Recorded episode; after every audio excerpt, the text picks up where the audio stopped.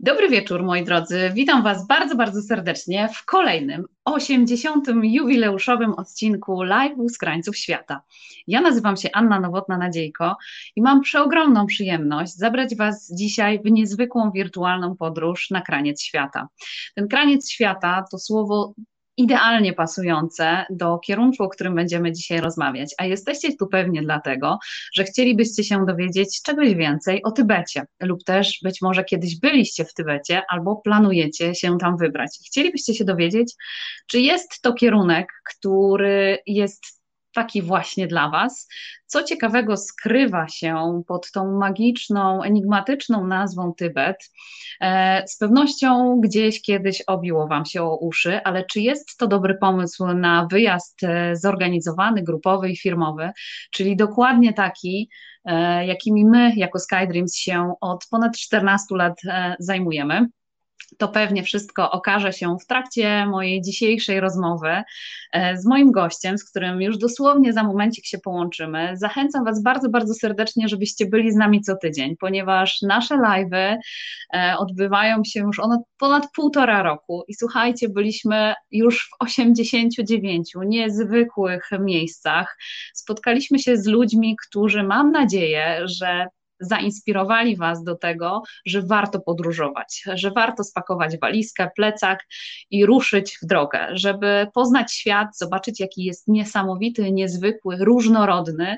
I właśnie tacy są moi gości, szczerzy, mówiący o tym, jak jest naprawdę, znający świetnie kierunki, o których opowiadają, i dokładnie tak jest z Iwonką, która będzie gościem e, dzisiejszego live'a, która organizuje indywidualne wyprawy właśnie do Tybetu.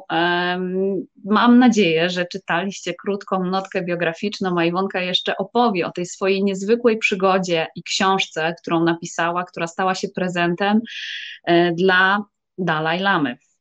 O tym i o różnych innych ciekawostkach już wkrótce. A ja zachęcam Was, żebyście zaglądali na naszą stronę internetową, gdzie pojawiają się różne ciekawe projekty. Najbliższy z nich to yoga, którą organizujemy pod koniec listopada, a kolejne już w przyszłym roku. Także bądźcie koniecznie z nami. W social mediach na Facebooku, na Instagramie, na LinkedInie, na tym z tych wszystkich portali, który jest dla Was najbliższy. No ale nie przedłużając, bo Wy tu dzisiaj przyszliście, moi drodzy, po to, żeby posłuchać o Tybecie. Więc sprawdźmy, czy jest mój gość. Dobry wieczór, Iwonko, jesteś z nami? Halo, halo? Zaraz się wszystko okaże, moi drodzy. Iwonka nas trzyma trochę w niepewności. Dobry wieczór, halo, halo. Mam nadzieję, że lada moment e, do mnie dołączy i będziemy miały okazję porozmawiać i opowiedzieć Wam o tym niezwykłym kraju. Cóż, dzisiaj łączymy się, z, jak widzicie, po moim tle z innego miejsca. Przed chwilą słyszałam się z Iwonką, więc mam nadzieję, że dzisiaj nie będzie kłopotu i za momencik dosłownie do nas dołączy. A Was zapraszam, moi drodzy, do tego, żebyście byli z nami co tydzień. Co czwartek o godzinie 20 staram się zabrać Was w ciekawe miejsce. Już za tydzień zdradzę Wam taki sekret, skoro jesteście dzisiaj i słuchacie. Zabiorę Was hmm, do Berlina. Niby nic, kolejna stolica europejska, ale bardzo ciekawa, szczególnie ciekawa właśnie w okresie świąteczno-bożonarodzeniowym, ale o tym opowie mój gość, e, który będzie już za tydzień. O, halo, halo, zaraz sprawdzimy. Coś próbujemy się tutaj podłączyć, moi drodzy. Czyżby się udało? Jest, Iwonka, dobry wieczór, witam Cię, moja droga.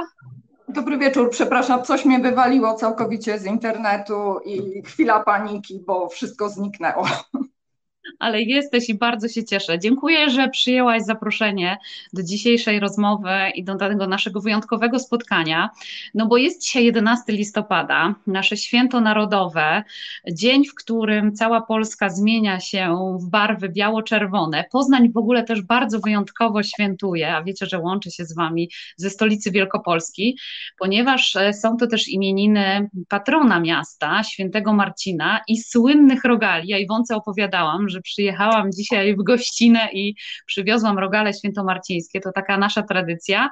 Mam nadzieję, że kolejne świętomarcińskie rogale zjemy razem i porozmawiamy sobie jeszcze dłużej o Tybecie. A właśnie, zaczynając od samego początku. Ty, moja droga, e, Tybet zajmuje szczególne miejsce w, w Twoim kalendarzu i w Twoim sercu z pewnością. Organizujesz wyprawy, wielokrotnie tam byłaś.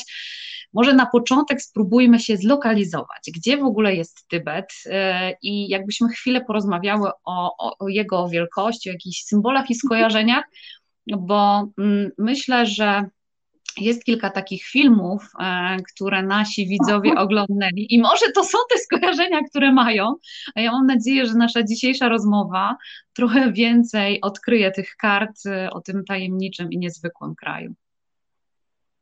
No, zaczynając od takich podstaw, Tybet jest w Chinach.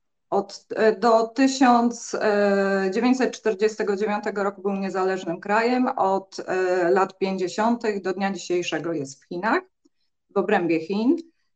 E, I tutaj pojawia się taki drobny e, problem w nazewnictwie, co rozumiemy, jak mówimy Tybet. Ponieważ bardzo często myślimy o tybetańskim regionie autonomicznym, który tak mhm. naprawdę jest połową historycznego Tybetu. E, I Tybet w swoim historycznym zasięgu to jest 2,5 miliona kilometrów, to jest 8 razy Polska. Natomiast e, sam tybetański region autonomiczny to jest tak mniej więcej połowa powiedzmy tego e, historycznego e, zasięgu Tybetu ale to i tak nadal bardzo dużo. I dziękuję, że to powiedziałaś, bo to y, y, porusza naszą wyobraźnię i jesteśmy w stanie sobie powiedzieć, o jakim terytorium my w ogóle rozmawiamy. No bo mniej więcej jakich rozmiarów jest Polska, to każdy z nas wie, ale właśnie, okej. Okay. Bardzo Ci dziękuję za to, bo to, to tak super działa na wyobraźnię. I teraz, jeśli chodzi o symbole Tybetu, to może ja odbiję piłeczkę. Powiedz, Ania, z czym Tobie się kojarzy Tybet? Hmm.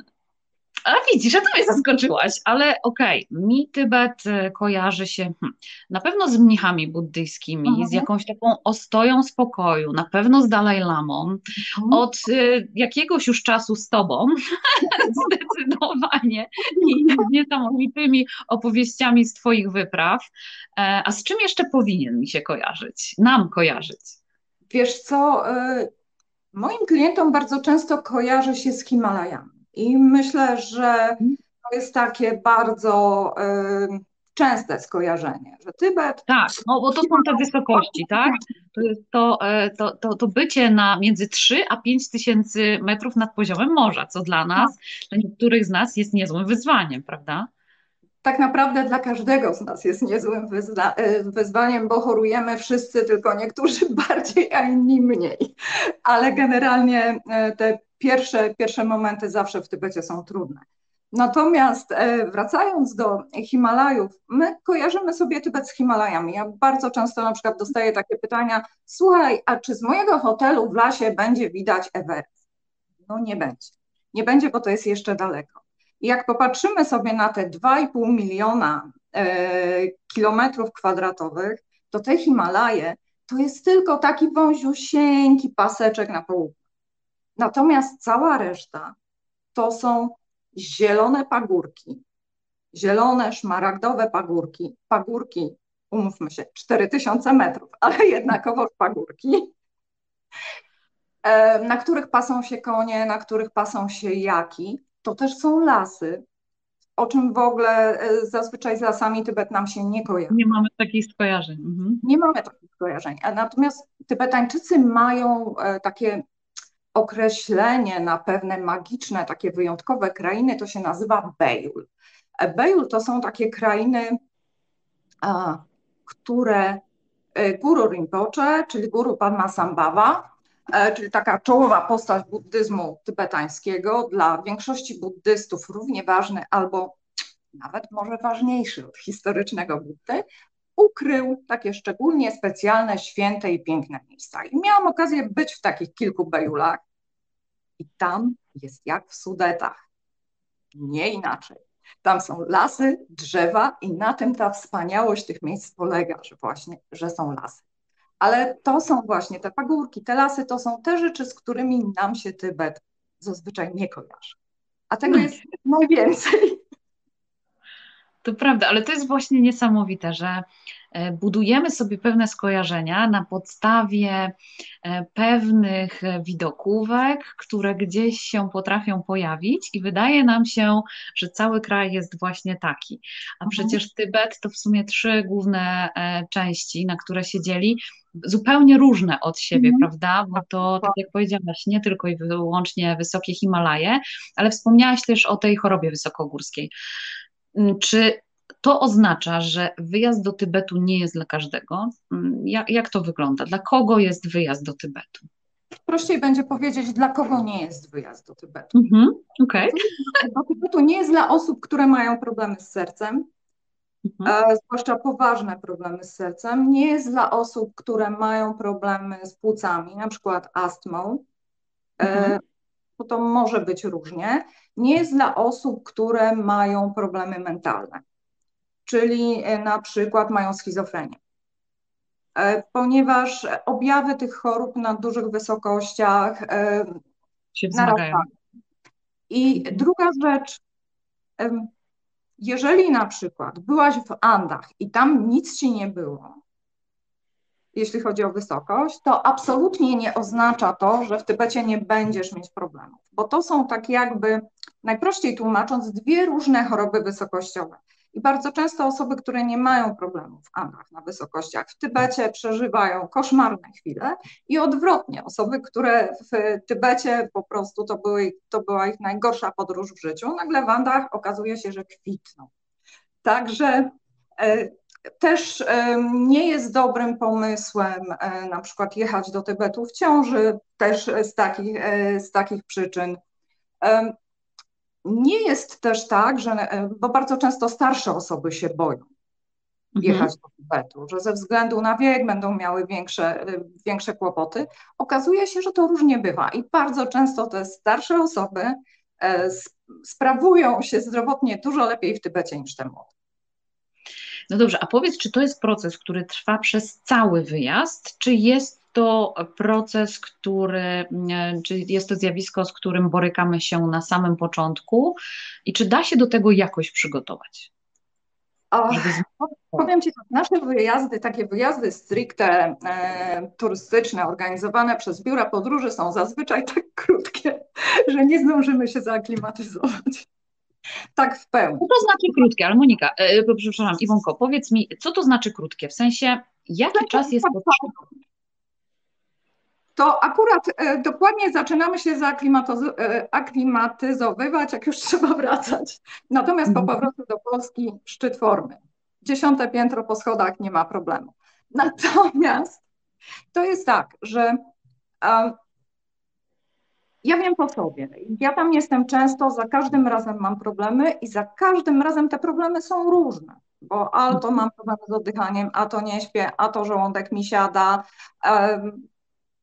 Generalnie ja wiem już po tylu latach, że na pewnej wysokości mogę zapomnieć o jedzeniu, bo i tak nic z tego nie będzie. E, więc generalnie zawsze są jakieś e, dolegliwości. I teraz one oczywiście e, takie najsilniejsze są na początku, ponieważ do Tybetu zazwyczaj przylatujemy samolotem. I mhm. teraz załóżmy, że wylatujemy z Pekinu, który jest na 50 metrach nad poziomem morza i po 6 godzinach lotu lądujemy na 3,5 tysiąca. No to dla organizmu jest to ogromny szok. E, mhm. I faktycznie te pierwsze 3-4 noce to jest, e, no to jest masakra. To jest masakra, bo są problemy ze spaniem, są duszności, no, wyjazd do Tybetu nie jest wyjazdem, nazwijmy to stricte wypoczynkowym, że wrócimy kwitnące i wypoczęci. Na pewno e, wrócimy naładowani emocjami, przeżyciami, pięknymi widokami, ale żeby pełen relaks jak po tygodniu w spa, to raczej coś takiego nie wystąpi, niestety.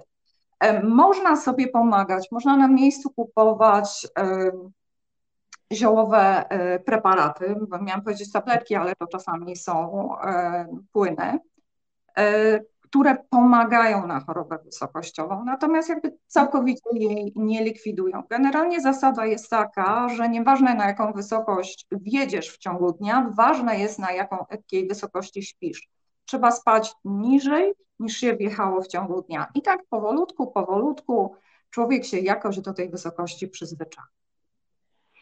Okej, okay, no właśnie, no to jak już wiemy, że wymaga to pewnego przygotowania e, i, i, warto wziąć to pod uwagę w kontekście długości wyjazdu. I teraz też e, chciałabym Cię przy okazji zapytać, no bo krótki wyjazd e, to już wiemy, że niekoniecznie, mm, czyli 3-4 dni to w ogóle zapomnijmy, to, to nie jest ten kierunek i to nie to miejsce na świecie. Na jak długo, tak optymalnie z Twojego przeogromnego doświadczenia powinniśmy planować wyjazd? Wyjazd do Tybetu? Ha, wiesz co, to jest tak, że część osób jedzie na cztery dni, na przykład, bo jedzie tylko do lasy. E, mhm. Ze względu na finanse, bo, Czyli do e, mhm. bo Tybet jest destynacją drogą. Mhm. E, I na te cztery dni lasa jest optymalna. Natomiast dalej już zależy od tego, co byś chciała zobaczyć. Jeżeli chcesz jechać pod Everest, no to potrzebujesz około 10 dni. Oczywiście mhm. szybciej. Tylko, że e, ja zawsze staram się przekonać swoich klientów, że naprawdę ten jeden, dwa dni więcej, po pierwsze, będzie fajnie, e, zobaczy się więcej fantastycznych rzeczy, ale druga rzecz jest taka, że jakby spokojniej pod ten Everest się podjedzie. Everest jest na pięciu, baza pod Everestem jest na pięciu tysiącach metrów. To jest naprawdę duży wysiłek dla organizmu i nie warto po prostu ryzykować. Natomiast jeżeli jedziesz pod Kailash, to już potrzebujesz, e, masz w planie trekking wokół e, góry Kailash, no to już potrzebujesz około 16 dni, bo to jest daleko. I e, nawet jak popatrzymy na mapę i wydaje nam się, że ok, bo co tutaj przecież można 300 kilometrów dziennie przejechać i to jest w ogóle no problem, to to nie jest w Tybecie. Bo drogi są fantastyczne, tylko są takie ograniczenia prędkości podróżowania, pilnowane restrykcyjnie przez policję, że naprawdę więcej niż e, więcej niż kilkadziesiąt kilometrów dziennie, czy powiedzmy 100 kilometrów dziennie mhm. ze zwiedzaniem się nie przejedzie. Iwonka, a powiedz, czy Tybet to jest taki kierunek, w który mm, można planować samodzielną wyprawę, czy jednak ze względu na właśnie, na tą chorobę wysokościową, mm, na te odległości, na umiejętność poruszania się, to jest tak, że jak wylądujemy w lasie, to możemy wynająć samochód i zorganizować sobie samemu taki wyjazd, czy, czy, czy to na przykład zupełnie nie jest część? Wszystko musimy mieć zorganizowane, zanim wylądujemy w lasie. Tak jest w tybetańskim regionie autonomicznym. Natomiast e, jeżeli nie mamy ochoty na to, żeby mieć przewodnika, którego w tybetańskim regionie autonomicznym musimy mieć samochodu, e, tylko chcielibyśmy sobie na przykład jeździć lokalnymi środkami komunikacji, to pozostają nam te rejony Tybetu, które są poza tybetańskim regionem autonomicznym, czyli najprościej Kan i Amdo, czyli to będą prowincje Qinghai, e, Gansu, Sichuan e, czy Yunnan, ponieważ wszędzie tam e, w 1965 roku Chińczycy włączyli to, czego nie włączyli do tybetańskiego regionu autonomicznego, to po prostu porozdzielali pomiędzy poszczególne prowincje. I tam możemy sobie podróżować sami. Ale nie znając e, ani odrobiny języka chińskiego, ani tybetańskiego, będzie nam bardzo trudno. To się da, ale będzie nam bardzo trudno, bo po prostu tam nikt e, w innych niż e, chiński i tybetański językach nie mówi. Warunki... Jeśli ktoś ma podstawy angielskiego i zamierza zeksplorować Tybet, to może mieć, że tak powiem, duże wyzwanie. Tak, da radę, ale się bardzo namęczy. Bardzo się mhm. namęczy z takimi mm, podstawowymi rzeczami, jak na przykład zameldowanie się w hotelu, jak, e, nie wiem, kupienie sobie biletu na autobus, czy przypilnowanie, żeby panowie z e, ja, na nich, ja, ja, ich określam mafią taksówkową, czyli ci wszyscy kierowcy, którzy organizują przejazdy między miejscowościami, żeby e, po prostu nie zrobili nas e, przysłowiowego, przepraszam, balona. Także e, mhm. podstawy, podstawy są potrzebne języka. Okej, okay, to to już jest ważne. Mm, e, a powiedz mi, jak się poruszamy po Tybecie? E, no to, że są duże wysokości, to, że taki zorganizowany i wcześniej zarezerwowany wyjazd jest dla nas gwarancją udanego po prostu pobytu na miejscu, który i tak jest wyzwaniem dla naszego organizmu, więc e, warto, słuchajcie, po prostu wyeliminować sytuacje stresujące, te dokładające jeszcze dodatkowe elementy i po prostu rozkoszować się tym, mm, po co przyjechaliśmy do Tybetu. No właśnie, a ja chciałam Cię zapytać, po co do Tybetu warto przyjechać? E, I chciałabym Cię zapytać o największe atrakcje, bo myślę, że nasi widzowie są też bardzo ciekawi. Ojej, no to tak. Dla mnie troszkę e, e, innym, atrakcje są troszkę inne niż na przykład dla moich klientów. Takim numerem jeden jest Potala. Pałac Potala, zimowy pałac Dalaj Lama. No, absolutnie fantastyczne miejsce. E, I to jest chyba ten obiekt, który się najbardziej kojarzy ludziom z Tybetem i z lasem. Pałac Dalaj Lama. Więc e, niewątpliwie warto. Warto to miejsce odwiedzić. Ja powiem osobiście, z mojej perspektywy, nie jest to moje ulubione miejsce, ponieważ mi się tam bardzo ciężko pracuje ze względu na wymogi, jakie stawiają e, władze chińskie w tym obiekcie akurat.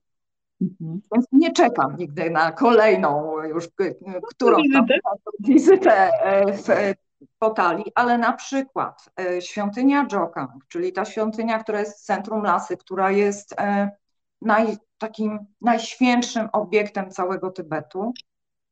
Ja tam Spędzam pod tą świątynią każdy wieczór, jak jestem w lasie. Uwielbiam tam być, uwielbiam chodzić e, z moimi klientami do tej świątyni. Naprawdę to jest takie miejsce, gdzie o, to aż po prostu włosy dęba stają od tej energii e, oddania, e, rozmodlenia, takiej, takiej wielkiej religijności. Jest to, no dla mnie jest to naprawdę wspaniałe, wspaniałe miejsce. Tuż e, w samej lasie no, wielkie klasztory, Drepung, mhm. Sera. E, one, no to jest coś, czego, e, czego w Europie nie zobaczymy, bo Drepung był za czasów swojej świetności, czyli przed wejściem Chińczyków, największym klasztorem na świecie.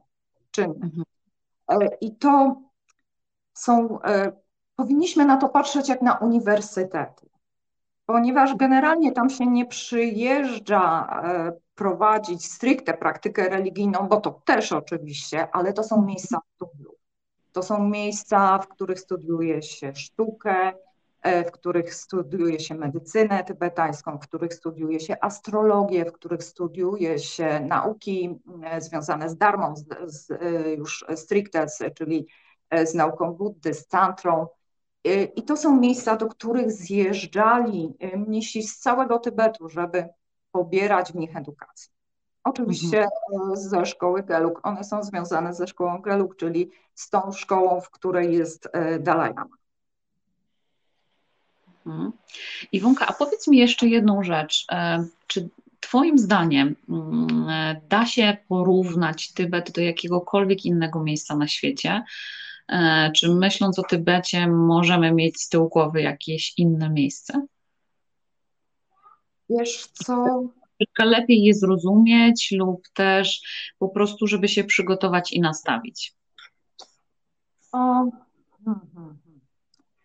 Wiesz co, no tak, Butan, ponieważ e, ja zawsze mówię, że Butan jest, e, jeśli chodzi o kulturę, córką Tybetu.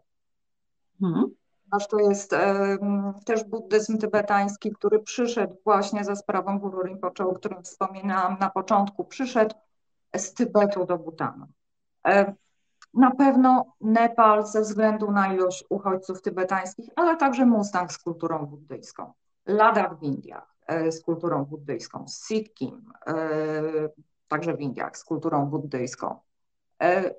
E, Dharamsala ze względu na to, że jest to siedziba Dalai Lamy obecnie, więc też jest tam e, diaspora tybetańska, są klasztory, są wielcy nauczyciele, mnisi, są uchodźcy tybetańscy, więc to jest, e, to jest jakby taki przedsmak Tybetu.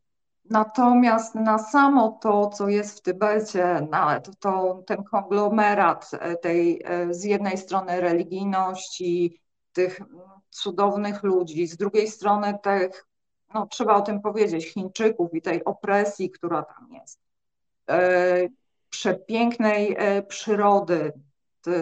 No, widoki są naprawdę spektakularne.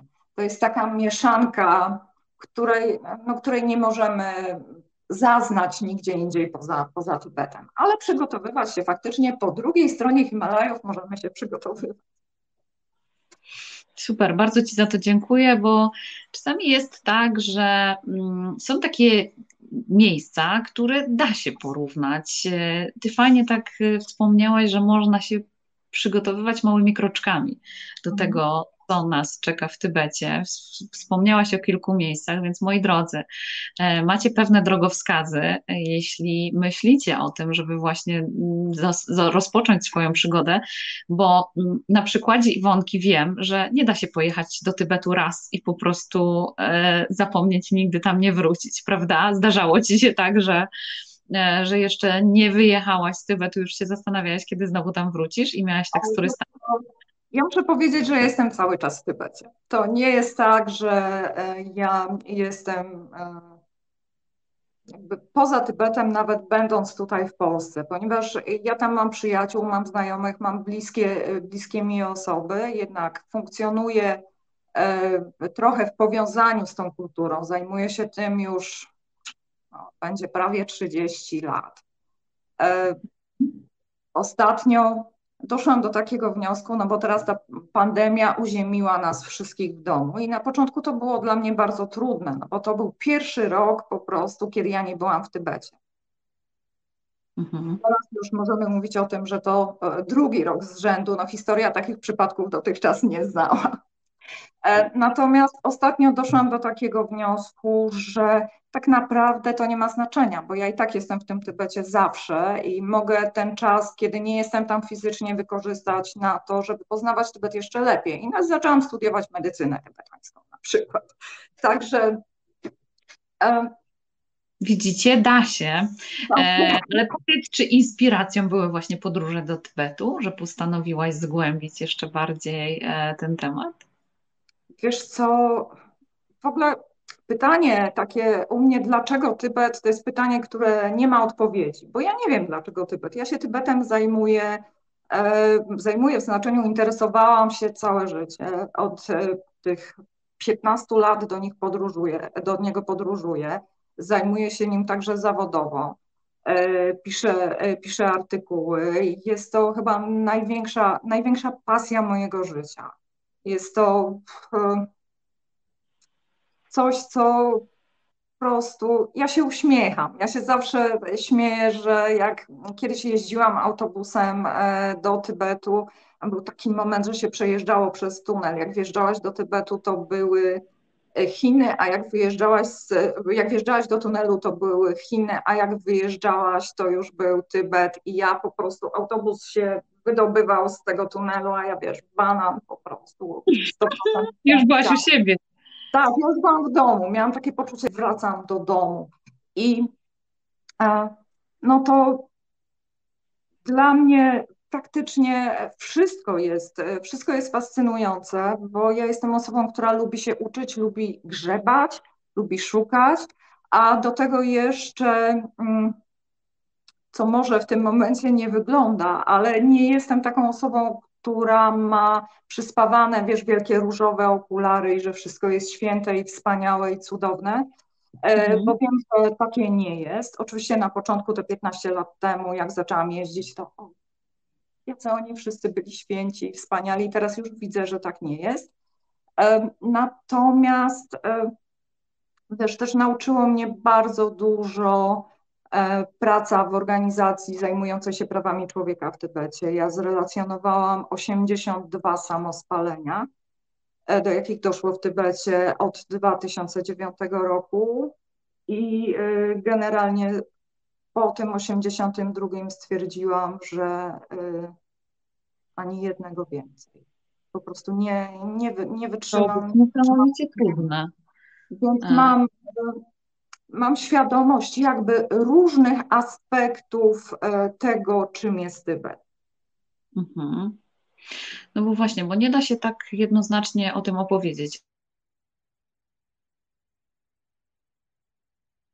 Ale chciałabym jeszcze powiedzieć a propos tego, jacy są Tybetańczycy, bo wspomniałaś, że jedną z e, Wspomniałeś, że jedną z bardzo ważnych rzeczy e, dla Ciebie podczas tych podróży e, są właśnie ludzie, czyli ja zawsze mówię, że nie jedziemy tam dla budynków, chociaż niektóre z nich mają magiczną moc, tak jak wspomniałaś, ale e, przede wszystkim to jest kultura, to są ludzie, to jest kuchnia, o której też chciałabym chwilę z Tobą mhm. porozmawiać, ale zacznijmy od tych ludzi. Jacy oni są? I czy my możemy i powinniśmy się czegoś od nich nauczyć? Wiesz co, oni są inni niż my. Oni są inni niż my, ponieważ oni mają, e, co określić, większą higienę psychiczną niż my.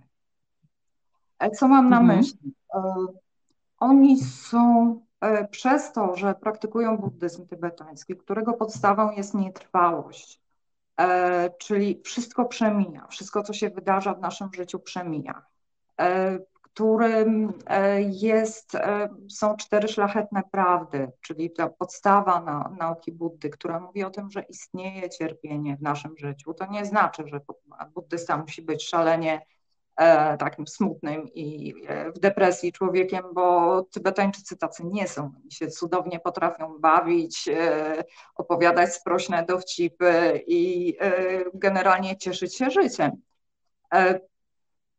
to, to wszystko, to, że oni w swoim codziennym życiu jakby bazują na y, doktrynie Buddy, sprawia, że oni są spokojniejsi. Mniej mhm. przejmują się wszystkim, co się wydarza. No po prostu tak jest i to się kiedyś skończy. E, można by mhm. powiedzieć, że żyją w dramatycznych warunkach, bo z jednej strony mm, Życie nomady tybetańskiego to nie jest sielanka wśród kwiatków, bo jak na wysokości 5000 metrów, gdzie masz na przykład temperaturę minus 20, musisz wydoić powiedzmy 50 jaków, no to z, e, z luksusem e, ma to niewiele e, wspólnego, prawda? Więc z jednej strony ich hmm. warunki życia są bardzo ciężkie, z drugiej strony sytuacja polityczna, w jakiej żyją, że z jednej strony no mają drogi, mają telefony, ich standard życia się powiększa, ale e, e, mm, zwiększa, natomiast płacą za to gigantyczną cenę e, w swojej kulturze, w swojej tożsamości. A oni mimo wszystko zachowują spokój i zachowują optymizm. I to jest takie moje doświadczenie z tych lat jeżdżenia właśnie do Tybetu, gdzie w buddyzmie jest takie pojęcie małpi umysł, że nasz umysł jest jak taka małpka, która łapie się różnych gałęzi. To są nasze myśli, które tam latają nam w głowie. I ja po tych latach jeżdżenia do Tybetu zauważyłam, że ja tych, tej małpki w głowie mam trochę mniej. Tam jedziesz i rzeczy stają się prostsze. Po prostu. Jesteś w tej, widzisz swoją małość jako człowieka w tej potężnej przyrodzie tym po prostu wspaniałym krajobrazie, gdzie w ciągu jednego dnia zmieniają się cztery pory roku, bo nagle był upał, a zaczął padać śnieg.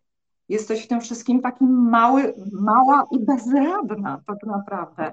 Jakby widzisz swoje miejsce w tym e, szeregu stworzenia, nazwijmy to tak. Jest to naprawdę, no jest to doświadczenie, które które zmieni, jeżeli jesteśmy w stanie się na nie otworzyć i nie, nie patrzymy tylko, że e, albo, że to wszystko jest takie właśnie super święte, albo, że właśnie o, nie ma już prawdziwego Tybetu, bo Chińczycy go zniszczyli, no to jest nieprawda. E, jeżeli patrzysz otwartym sercem, to ten, widzisz ten Tybet, to jest to takie doświadczenie no, bardzo zmieniające, zmieniające życie. Ten kontakt z Tybetańczykami. A jeśli masz szczęście, mhm.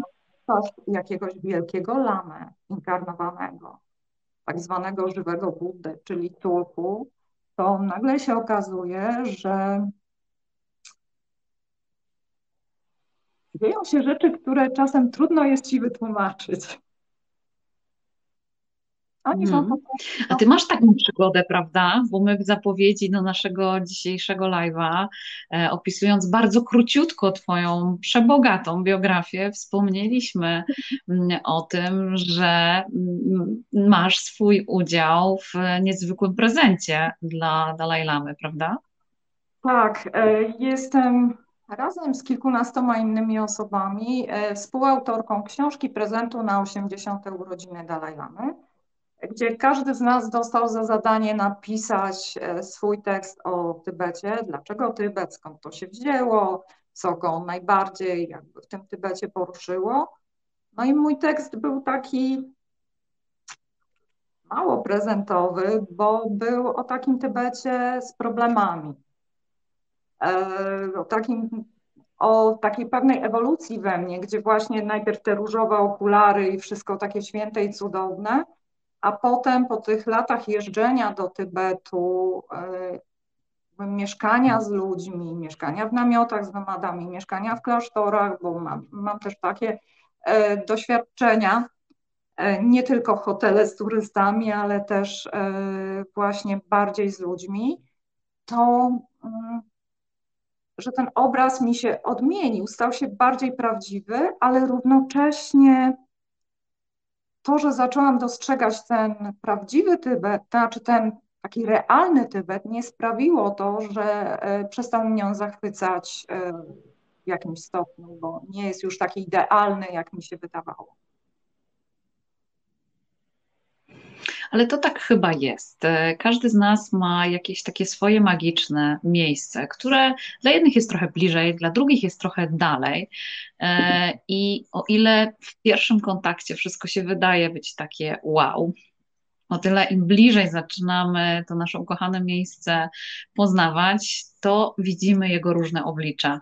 I to też jest niezwykłe, że, że ta podróż cały czas trwa. I to odkrywanie dzięki temu e, tego naszego magicznego zakątka świata jest takie niezwykłe i, i, i, sprawia, że ono jest takie cały czas żywe.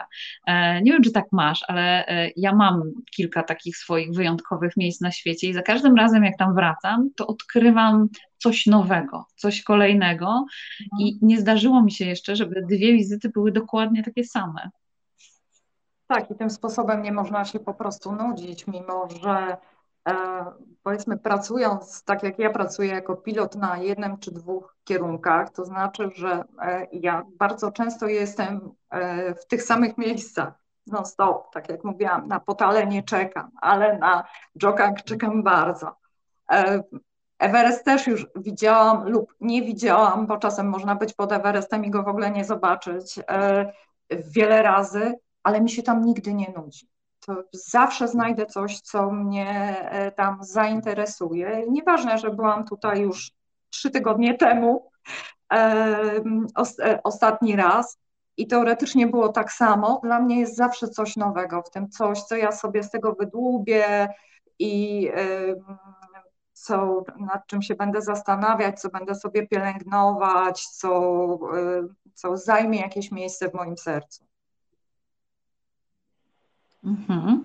A Iwonko, mm, no wspomniałyśmy o kilku wyjątkowych miejscach e, w Tybecie, które, które warto e, zobaczyć i dla których na pewno warto Tybet odwiedzić.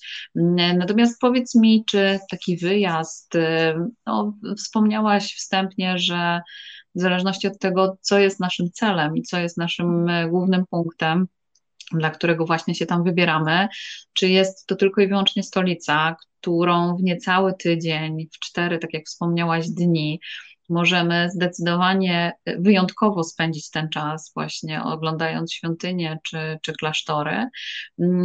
A czy to są takie główne powody, dla których e, warto wybrać się do Tybetu, czy, czy jest coś jeszcze? Poza oczywiście szczytami, o których wspomniałyśmy i mhm. trekkingu, który można zrobić. Sporo osób jeździ właśnie e, po to, żeby zobaczyć Everest, e, ponieważ mhm. od strony tybetańskiej jest to dużo łatwiejsze niż od strony nepalskiej. Ponieważ mhm. praktycznie prawie do końca można sobie podjechać autobusem, wysiąść, i po prostu stanąć u podnóża góry. Nie jest potrzebny żaden trekking ani nic, więc bardzo dużo, bardzo dużo osób właśnie decyduje się na zobaczenie, no, przepraszam, Everestu od strony tybetańskiej. Dla wielu osób też celem pielgrzymki, można też tak powiedzieć, e, ponieważ to jest bardzo szczególne miejsce e, dla wielu osób jest e, Góra Kailash i trekking wokół Góry Kailash.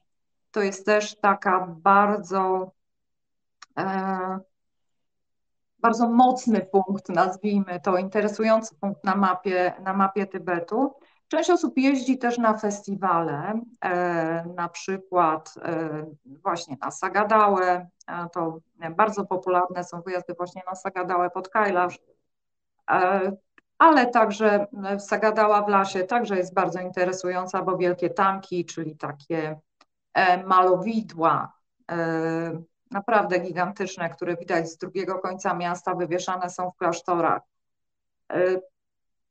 I jeśli chodzi o tybetański region autonomiczny, to tutaj mamy troszkę ograniczone pole, ponieważ jednak władza e, chińska nam mówi, co my możemy, a co nie.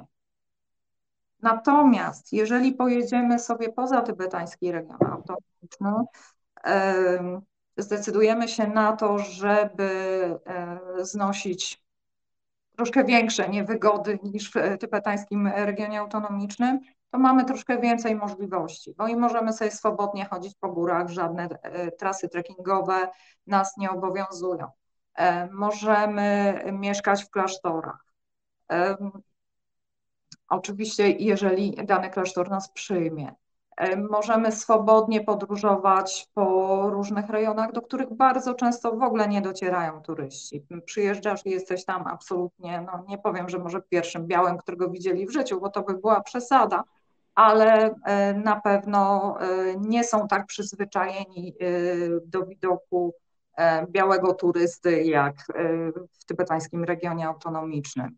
Więc jakby jest, hmm. jest Poza tybetańskim regionem autonomicznym jest większa swoboda. Można na przykład pojechać, e, są piękne parki narodowe, gdzie można e, na trekking pójść.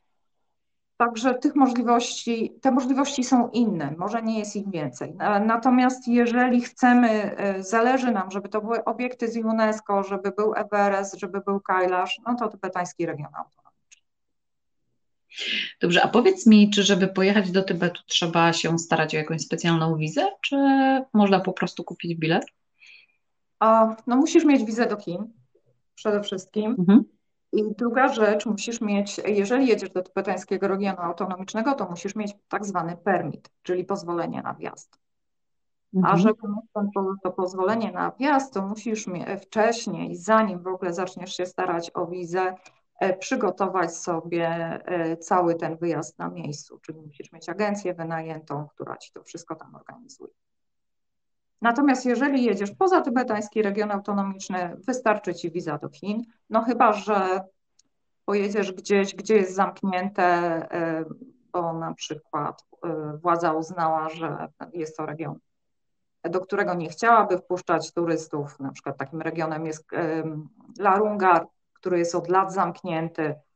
E, I no to wtedy, mm, to wtedy żaden permit tutaj nic nie pomoże, uprzejmie cię wyproszą e, z autobusu. Natomiast poza takimi miejscami masz e, swobodę podróżowania. Natomiast w tybetańskim regionie autonomicznym wszystko musi być po prostu co do dnia określone, co ty danego dnia będziesz robić.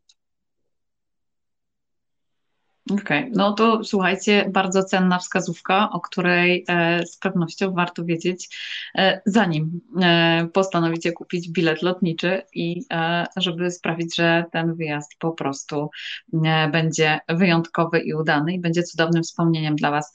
Iwonka, powiedz jeszcze jedną rzecz, e, bo wspomniałyśmy o wysokościach, o chorobie, o tym, że no raczej polecamy Tybet dla tych, którzy planują troszeczkę dłuższy dłuższy wyjazd, mm, ale takim nieodzownym elementem w trakcie podróżowania, ty delikatnie o nim wspomniałaś, jest też kuchnia. E, powiedz mi, czego możemy się spodziewać po kuchni tybetańskiej i co zjemy? E, czy raczej zjemy w restauracjach, czy e, gotujemy sobie sami, czy może mamy swojego kucharza? Jak to wygląda? W tybetańskim regionie autonomicznym zjemy w restauracji. Tam e, praktycznie rzecz biorąc, w tych wszystkich miejscach, do których dociera turysta, czy może dotrzeć turysta, zawsze są jakieś miejsca, gdzie da się zjeść. E, oczywiście im dalej w stronę Kailash, tym one są prostsze i e, nazwijmy to skromniejsze. Natomiast Lhasa, Shigatse, Shigatse to jest drugie miasto co do wielkości, jeśli chodzi o Tybet, jakby wybór restauracji jest ogromny, ponieważ to jest blisko granicy z Nepalem, blisko granicy z Indiami, więc jest bardzo dużo też takich elementów kuchni nepalskiej. Natomiast jeśli chodzi o tradycyjne potrawy tybetańskie, to to, co powinniśmy spróbować, to jest tak zwana campa. Campa to jest doświadczenie dość specyficzne, ponieważ campa to jest e, mąka z e, prażonego jęczmienia, która jest mieszana z masłem, z herbatą, czasem z cukrem, czasem z e, jakimiś suszonymi owocami, to już na bogato, bardzo często z czurą, czyli z suszonym serem z mleka, i tu chciałam powiedzieć jaka, ale to jest błąd, dri, ponieważ jak to jest samiec, dri, czyli z mleka dri. E, I z tego mm, zagniatamy coś w rodzaju ciasta, tak jakbyśmy robili nasze kruche ciasto i zjadamy je, mm, że tak powiem, przed upieczeniem na surowo. Jest to doświadczenie dość specyficzne, powiedziałabym. E, natomiast to jest, Tybetańczycy na siebie mówią, że są zjadaczami campy, więc to jest takie najbardziej e, e, znaczące jakby danie w kulturze Tybetu i oni tą campę jedzą non-stop. Ona ma jakoby rozliczne właściwości zdrowotne, jest odżywcza, Tybetańskie kobiety zawdzięczają Campie figurę oraz urodę i e, generalnie Campa obudowana jest ogromną e, ilością różnych takich pozytywnych e, przekonań. Natomiast to, z czym nam się najczęściej kojarzą, kojarzy Tybet, to jest momo. To są momo, czyli pierogi. Pierogi pierwotnie z mięsem jaka, ponieważ e, Tybetańczycy są mięsożercami. Jeszcze do niedawna, e, jak jeździłam na przykład 10 lat temu do Tybetu, to ja po miesiącu pobytu wracałam 10 kilo chudsza, bo ja będąc wegetarianką nie miałam, dokładnie nie miałam tam co jeść. Ja przez miesiąc żyłam na przykład na suchym chlebie, e, który się nazywa balet. I to jest taki chleb, jak nasze babcie robiły E, takie podpłomyki na sodzie, e, smażone na mm, blaszce. To jest coś, coś takiego w smaku. E, I do tego jogurt, przepyszny, przepyszny jogurt z, z mleka dri, no ale no nie było to jakoś tak specjalnie pożywne, jak na, jak na miesiąc pobytu. Natomiast w tej chwili jest dużo lepiej, zwłaszcza w tybetańskim regionie autonomicznym, gdzie za sprawą i turystyki, ale też chińskich e, Chińczyków, którzy zaczęli sprowadzać warzywa, zaczęli też uprawiać warzywa pod folią. Pojawiły się e, rośliny, które da się uprawiać na tych wysokościach. E, pojawił się większy asortyment dań dla wegetarian. Czyli no jest to trzy razy dziennie kapustka smażona, która pierwszego dnia jest pyszna, drugiego dnia jest dość dobra, trzeciego dnia ojej, znowu kapustka ale e, da się, da się przeżyć. Są ale to już coś więcej niż chlebek. Tak, zawsze coś więcej i ciepłe, i ciepłe jeszcze.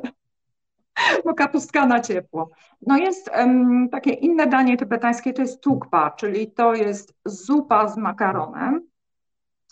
I to jest e, też tak, że na przykład jak pod Everestem zamówisz sobie tukpę wegetariańską, bo masz taki wybór, to e, musisz przymknąć oczy na, e, oko na to, że jednak tam jakiś jaczy ogon pływa pod spodem, pod tymi warzywami, bo po prostu wywar jest na kościach, na mięsie, tylko tyle, że nie, nie dodają ci pokrojonego mięsa na wierzch. Natomiast normalnie w restauracji w lasie nie ma problemu, dostaniesz e, jakieś dania, e, dania wegetariańskie. I to na e, Momo polecam każdej, w każdej postaci. Ja na przykład najbardziej lubię z ziemniakami. Nawet ostatnio sobie zrobiłam w domu, już tak z takiej tęsknoty zrobiłam sobie momo, momo w domu. I one są absolutnie pyszne. Natomiast e, kiedy na przykład podróżujemy poza tybetańskim regionem autonomicznym i na przykład odwiedzamy kogoś w klasztorze, przyjeżdżamy, zatrzymujemy się na noc, to na przykład mniszki wyciągają nam wszystko, co um, mają najlepszego i to jest zazwyczaj suszona noga jak. No i teraz trzeba jakoś z tego wybrnąć, bo ona zazwyczaj wygląda dość obrzydliwie, nie tylko dla E, wegetarianina, ale dla mięsożercy też, bo mm, zazwyczaj dość specyficznie pachnie. I e, no i też jak tak poleży trochę w tej szafie, nie w lodówce, to powiedzmy może ona nie, nie jest taka najbardziej za, e, zachęcająca do jedzenia, no ale też z takimi przygodami musimy się liczyć, że jakoś trzeba gracko z tego wybrnąć. Natomiast wiem od mojej przyjaciółki, której kiedyś przywiozłam mięso jaka, suszone. Już e, takie nie z szafy od mniszki, tylko jedna z moich tybetańskich przyjaciółek jechała na wieś po mięso dla siebie i przywiozła mi taki, zamówiłam u niej to, taki kawałek mięsa i ta moja polska przyjaciółka stwierdziła, że w życiu tak dobrego mięsa nie jadła. Więc to no, to są wrażenia I dla czasami zachowania kulinarne z różnych względów. E, e, to prawda, ale e, coraz więcej miejsc na świecie jest przyjaznych też dla wegetarianów. Coraz więcej osób właśnie na tego typu dietę się decyduje, bo po prostu czuje się zdrowiej, lepiej. Ale słuchajcie, no dla wszystkich mięsożerców, ja chyba też cały czas zdecydowanie należę do tego grona ja uwielbiam. Jak gdyby dla mnie e, próbowanie lokalnej kuchni jest zawsze ważnym elementem e, mojej podróży. E, jak jest ku temu okazja, tak jak na przykład podczas ostatniej podróży do Gruzji była możliwość zjedzenia w takim prawdziwym, typowym domu e, u gospodyni, która nagotowała, no to cała przyjemność była w nas i, i to, co gospodyni postawiła, to faktycznie próbowaliśmy. Najlepszym podsumowaniem tego wszystkiego, a propos tego, co powiedziałaś, wyciągania tego najlepszego, co mia, mają mniszki w szafie, to tu było też tak, że ta gospodyni donosiła i donosiła kolejne talerzyki, aż w pewnym momencie zaczęła je ustawiać piętrowo. I pamiętam, że moi turyści, moi goście stwierdzili, że muszą zrobić zdjęcie i pokazać mamie, bo ich mamy na święta przecież przygotowują tyle tych potraw, ale piętrowo to jeszcze nie stawiają, więc wszystko przed nimi. To tak a propos inspiracji różnymi ciekawymi rzeczami e, w podróży. E, super, bardzo Ci dziękuję. A powiedz, o co chodzi z tą herbatą taką dziwną, bo też w zapowiedzi o tym wspominałyśmy. E, co to jest z tą herbatą w tym Tybecie? No właśnie, o co z tym chodzi? Jest to herbata zielona, do której e, w procesie zaparzania dodaje się trochę masła i soli ona tym sposobem zamienia się w coś, co moglibyśmy określić jako bawarkę, coś takiego. E, mhm. Jest to tłuste, jest to pożywne, jest sól też, która e, pomaga nawilżać organizm, więc jest to kolejne przystosowanie Tybetańczyków do środowiska, w jakim żyją. Natomiast dla nas jest to doświadczenie zazwyczaj z kategorii bardzo ciężkich, ja się nauczyłam i piję te herbaty, bo generalnie jest tak, że jak przychodzisz, to gospodyni, przychodzisz do domu, e, do kogoś, to gospodyni częstuje cię tą herbatą, no i co najmniej jedną czarkę, a optymalnie, tak żeby było zgodnie z savoir dobrze by było dwie wypić i no po prostu trzeba, trzeba się przemóc. Ale powiem Ci e, jako e, ciekawostkę, że po, e, takim, przeskoczę na chwilę do Butanu. Po marczangu, którego próbowałam w Butanie, to już ta herbata jest absolutnie przepyszna. Marczank to jest wódka na ciepło z jajecznicą i z masłem. To coś takiego można by określić. Więc zaiste herbata z masłem i solą jest świetna i ona faktycznie jest sycąca, ona bardzo nawadnia e, organizm i każda gospodyni zawsze ma pełen dzbanek herbaty. On jest zawsze w gotowości, że jak przychodzą goście, herbata na stół i e, zawsze dostajesz świeżą herbatę i, i e, jak mm, naprawdę chwila nieuwagi, już jesteś po czwartej filiżance, bo cały czas ci dolewają. Ale na początku no, trzeba się do tego przyzwyczaić, bo jest, jest to trudne. To są te smaczki. A powiedz jeszcze, wspomniałyśmy o restauracjach, o tym, że w lasie faktycznie mm, można zjeść i przede wszystkim w tym regionie autonomicznym Tybetu. E, a jak wygląda infrastruktura? Bo to też czasami jest pytanie, które pada, przyznasz. E, gdzie będziemy spali?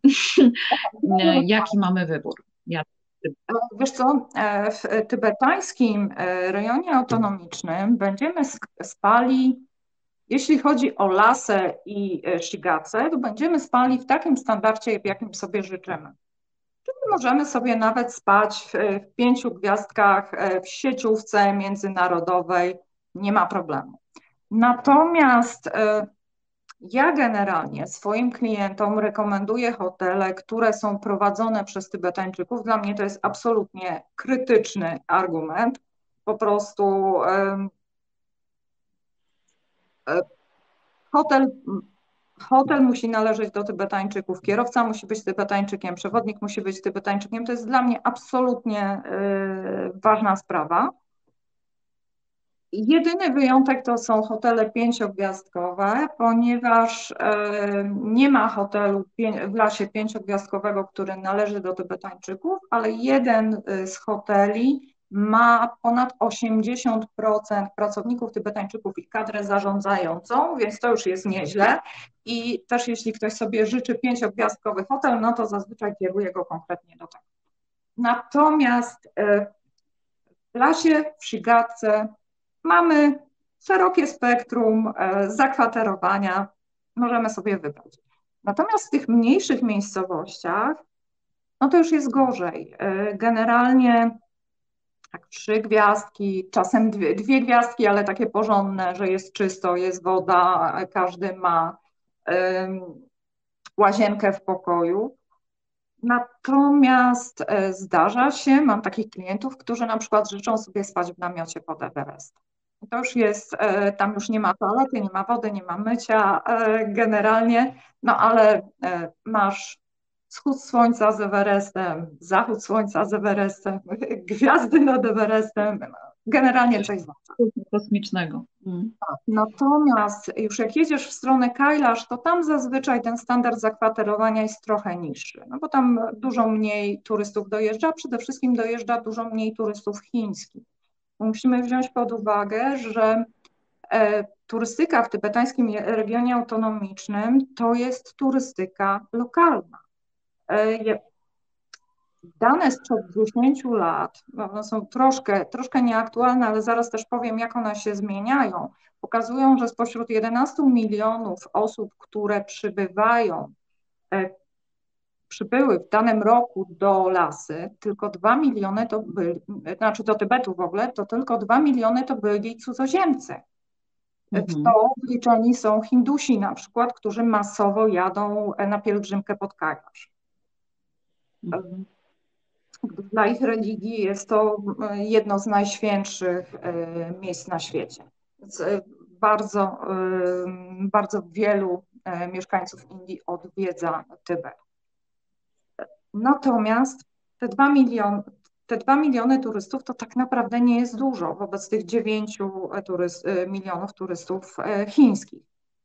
I ta liczba się zwiększa, ponieważ e, z roku na rok rząd Chin przyznaje im ułatwienia. Nam utrudnia, jako turystom zachodnim, mamy coraz więcej e, wymogów, które musimy spełniać na etapie organizacji, natomiast na przykład turyści chińscy dostają darmowe wejściówki do obiektu. I to e, wydawałoby się, że to jest drobiazg, ale weź, e, bilet do Potali jest bardzo drogi, bo on kosztuje w przeliczeniu na złotówki e, około 130 zł, więc to jest dość dużo. E, mm. Więc siłą rzeczy tych turystów jest coraz więcej. Ale turyści chińscy dojeżdżają do Everestu i wracają z powrotem do lasy. Więc dalej ta infrastruktura nie jest tak rozbudowywana.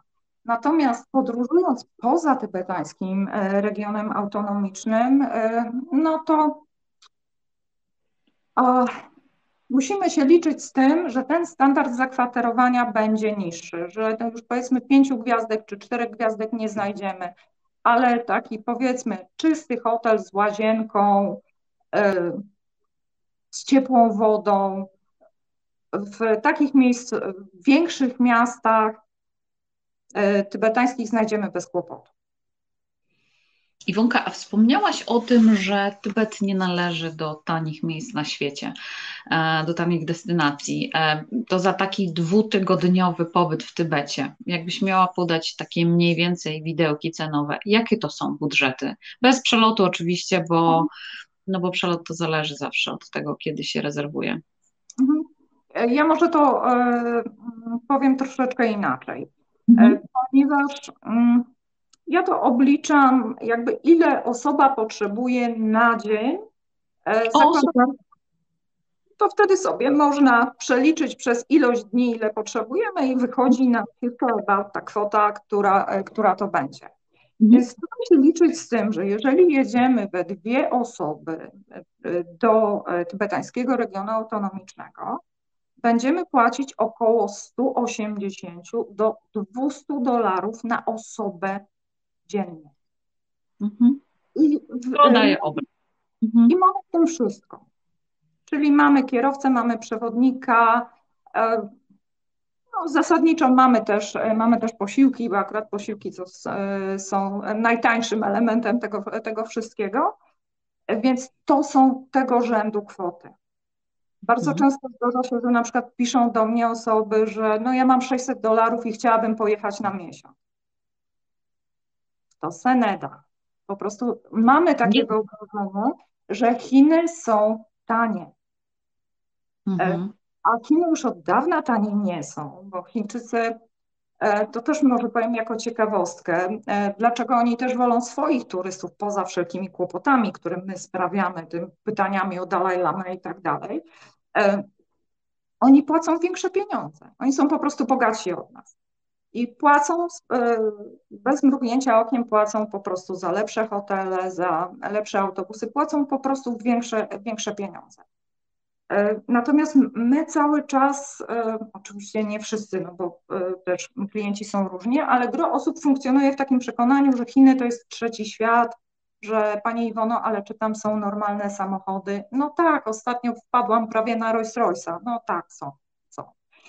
Nie, ale nic bardziej mylnego. Wiesz co, za to uwielbiam w ogóle organizację podróży do, do Chin, ponieważ właśnie ludzie jadą z przeświadczeniem takim, że jest to trzeci świat i że tam biegają takie małe, żółte Chińczyki i w ogóle nagle lądują najpierw w Pekinie, czasami mają okazję pojechać dalej i jadą do Szanghaju i po prostu te oczy rosną coraz bardziej i tak jak byli takimi wielkimi panami, to nagle stają się coraz, e, coraz większy kontakt z rzeczywistością łapią i, i jak gdyby z, z kontekstem, z mhm. którym e, powinniśmy się tak naprawdę zmierzyć, bo to, że na wielu produktach jest napisane made by China, to nie oznacza, że oni siedzą tylko i wyłącznie w fabrykach i pracują, prawda? To jest, to jest w ogóle coś e, absolutnie niesamowitego.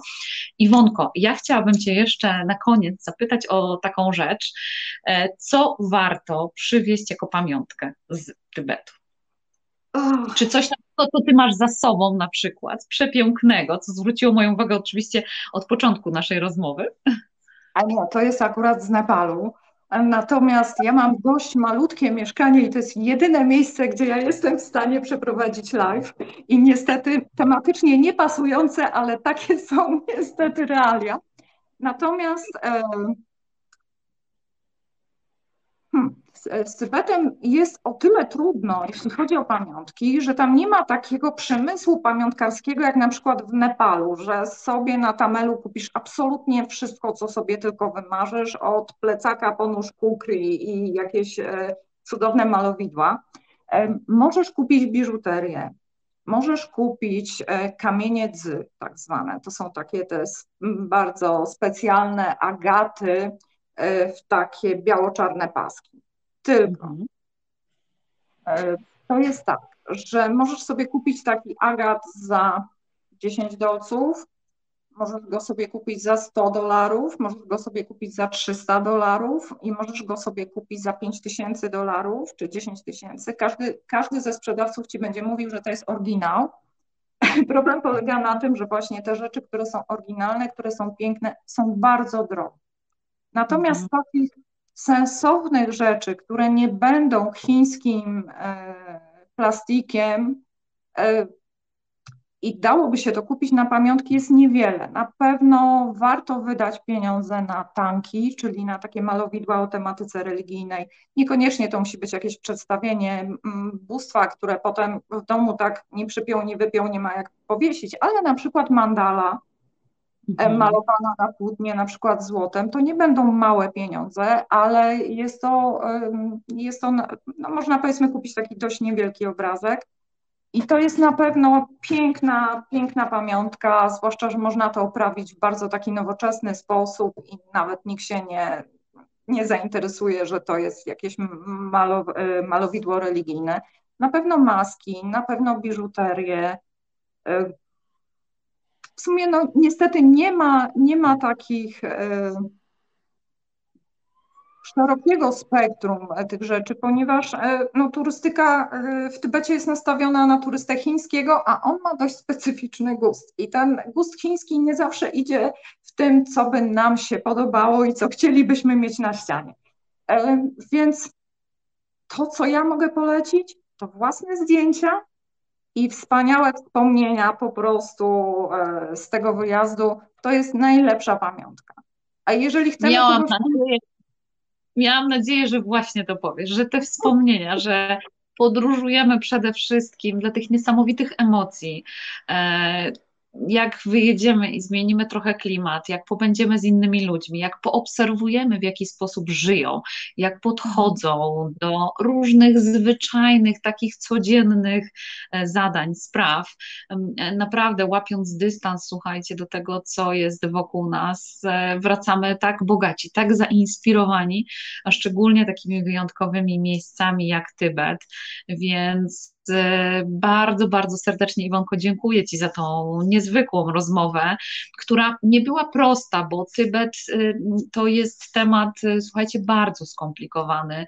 Ciężko w godzinnej rozmowie zawrzeć tak naprawdę jakie skojarzenia powinny się budzić i rodzić w naszej głowie. Natomiast chciałam, żebyście chociaż poczuli taką cząstkę tego, dlaczego to miejsce warto wpisać na mapę podróżniczych marzeń. E, I słuchajcie, z tym Was zostawiamy. Jeśli zainteresował Was ten temat, ja Wam bardzo, bardzo serdecznie polecam profil Iwonki, e, żebyście tam zaglądali. Tam są bardzo ciekawe rzeczy, e, sporo literatury, która jest, jest niesamowita. No, mm, Oczywiście pojawiają się takie komercyjne mm, filmy, które budują nasze skojarzenia z Tybetem e, i które no, być może też rozpalają nasz apetyt, e, ale my jesteśmy też od tego, żeby Was przygotować do danego miejsca, żebyście wrócili właśnie z tym, po co tam jedziecie i żebyście świadomie wybierali cele swoich podróży, Także do tego bardzo, bardzo serdecznie zachęcam, żebyście wybierali profesjonalistów, czyli ludzi, którzy wiedzą o danych miejscach, nie jadą tam po raz pierwszy, mają ogromną wiedzę i poprowadzą Was tak, żebyście wrócili z niesamowitymi emocjami. Bardzo, bardzo serdecznie Iwonko dziękuję jeszcze raz za tą rozmowę, Wam za to, że byliście z nami, szczególnie dzisiaj, bo to dzisiaj taki dzień wolny, w pełnym tego słowa znaczeniu wolny i czujemy wolność, chociaż nie zawsze tak do końca jest. Ja słuchajcie, zapraszam Was bardzo serdecznie za tydzień, też w czwartek o godzinie 20 zabiorę Was kolejne magiczne miejsce. Powoli już chyba zaczynamy myśleć wszyscy o świętach, już w niektórych miejscach stoją choinki w centrach handlowych i powoli, powoli zaczyna się to całe przygotowywanie i, i, i słuchajcie, no, w Poznaniu na Placu Wolności już 20 listopada e, zacznie funkcjonować Betlejem.